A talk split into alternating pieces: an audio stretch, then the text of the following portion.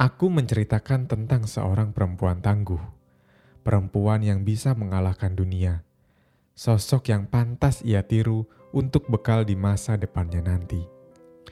Dan sosok itu adalah kamu. Ibu, berjanjilah padaku, jika suatu hari nanti kamu bertemu dengan penggantiku, tolong sampaikan salamku kepada pria itu. Jaga anak ini baik-baik karena aku begitu menyayanginya. Selamat malam teman-teman, selamat datang di podcast Suara Telepon. Dan kamu masih mendengarkan aku Fauzi Radian. Kamu bisa cari aku di Instagram dengan username kecabut Atau kamu bisa langsung aja follow ke Instagram at Suara Telepon. Dan teman-teman terima kasih untuk kamu yang selalu support podcast Suara Telepon dengan cara follow ke Instagram Suara Telepon atau kamu juga bisa mendengarkan podcast Suara Telepon di platform Spotify, Anchor, atau bahkan Apple Podcast. Dan hari ini aku akan membacakan sebuah cerita dengan judul Dongeng, sebuah cerita yang dibacakan dan ditulis oleh Fauzi Radian. Dongeng.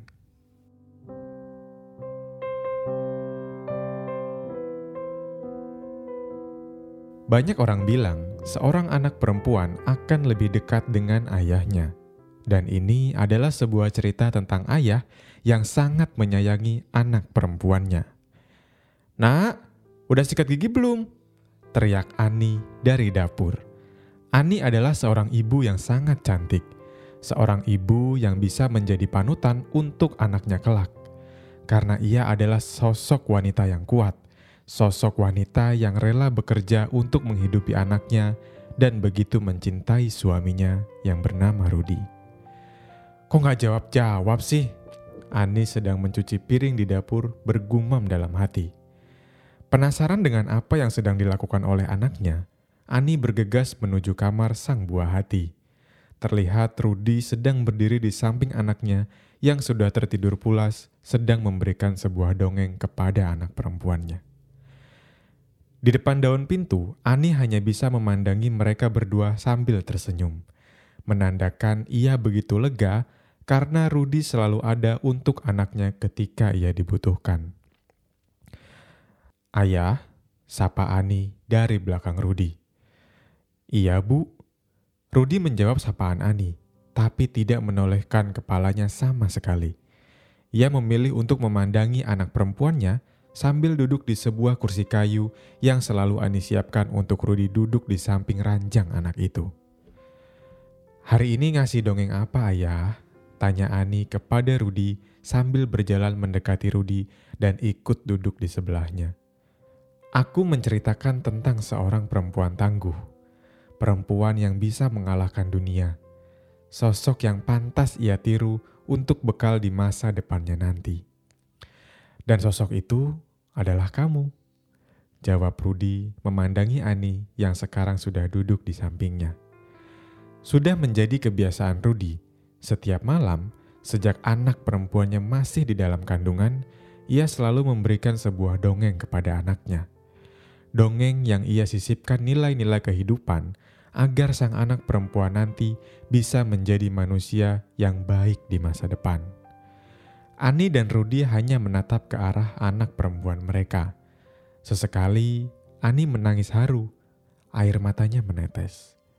Tidak deras, hanya menetes satu persatu melalui mata kanannya, menandakan ia sangat bahagia. Ibu, berjanjilah padaku, jika suatu hari nanti kamu bertemu dengan penggantiku tolong sampaikan salamku kepada pria itu. Jaga anak ini baik-baik, karena aku begitu menyayanginya.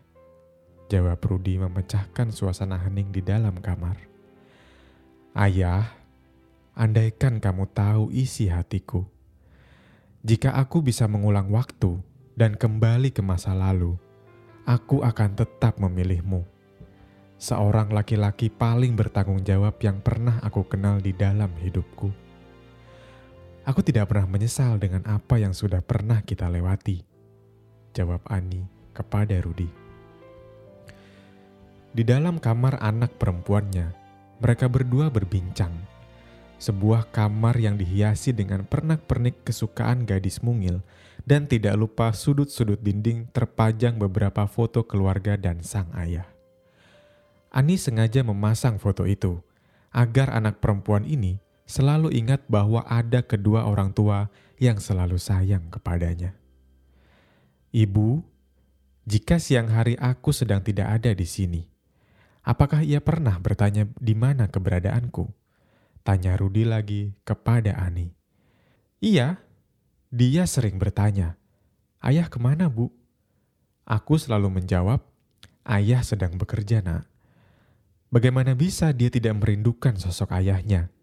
Sejak dalam kandungan, ia sudah mendengar suaramu. Dan kamu adalah laki-laki pertama yang sangat dikaguminya. Jawab Ani kepada Rudi yang terlihat gusar dan mengusap matanya karena tidak ingin terlihat ia sedang menangis. Lalu apakah sekarang ia bisa mendengarku? Tanya Rudi lagi kepada Ani dengan mata yang berbinar. Pasti bisa.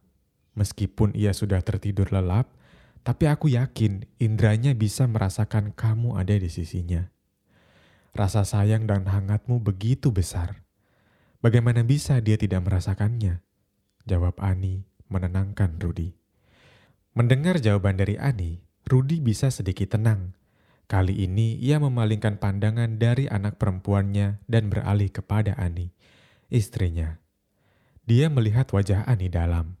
Mereka saling menatap dan keduanya tersenyum manis, tanda mereka begitu saling mencintai. Ibu, maafkan aku. Aku merasa tidak bisa bertanggung jawab sekarang. Karena kamu harus bekerja sendirian. Seharusnya Dulu aku mendukung bakat alamimu yang bisa melihat hantu. Mungkin sekarang kamu sudah bisa menjadi orang terkenal dengan bakat itu. Atau bahkan menjadi seorang penulis buku. Jawab Rudi kepada Ani sambil tersenyum kepadanya. Ayah, aku sudah pernah bilang kan, kamu adalah laki-laki yang paling bertanggung jawab yang pernah kami kenal.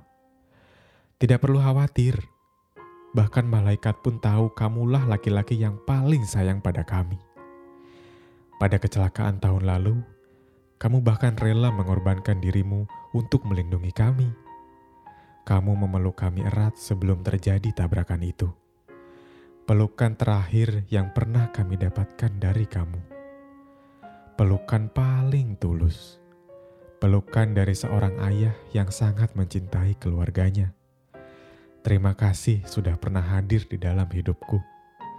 Karena itulah aku selalu sayang padamu.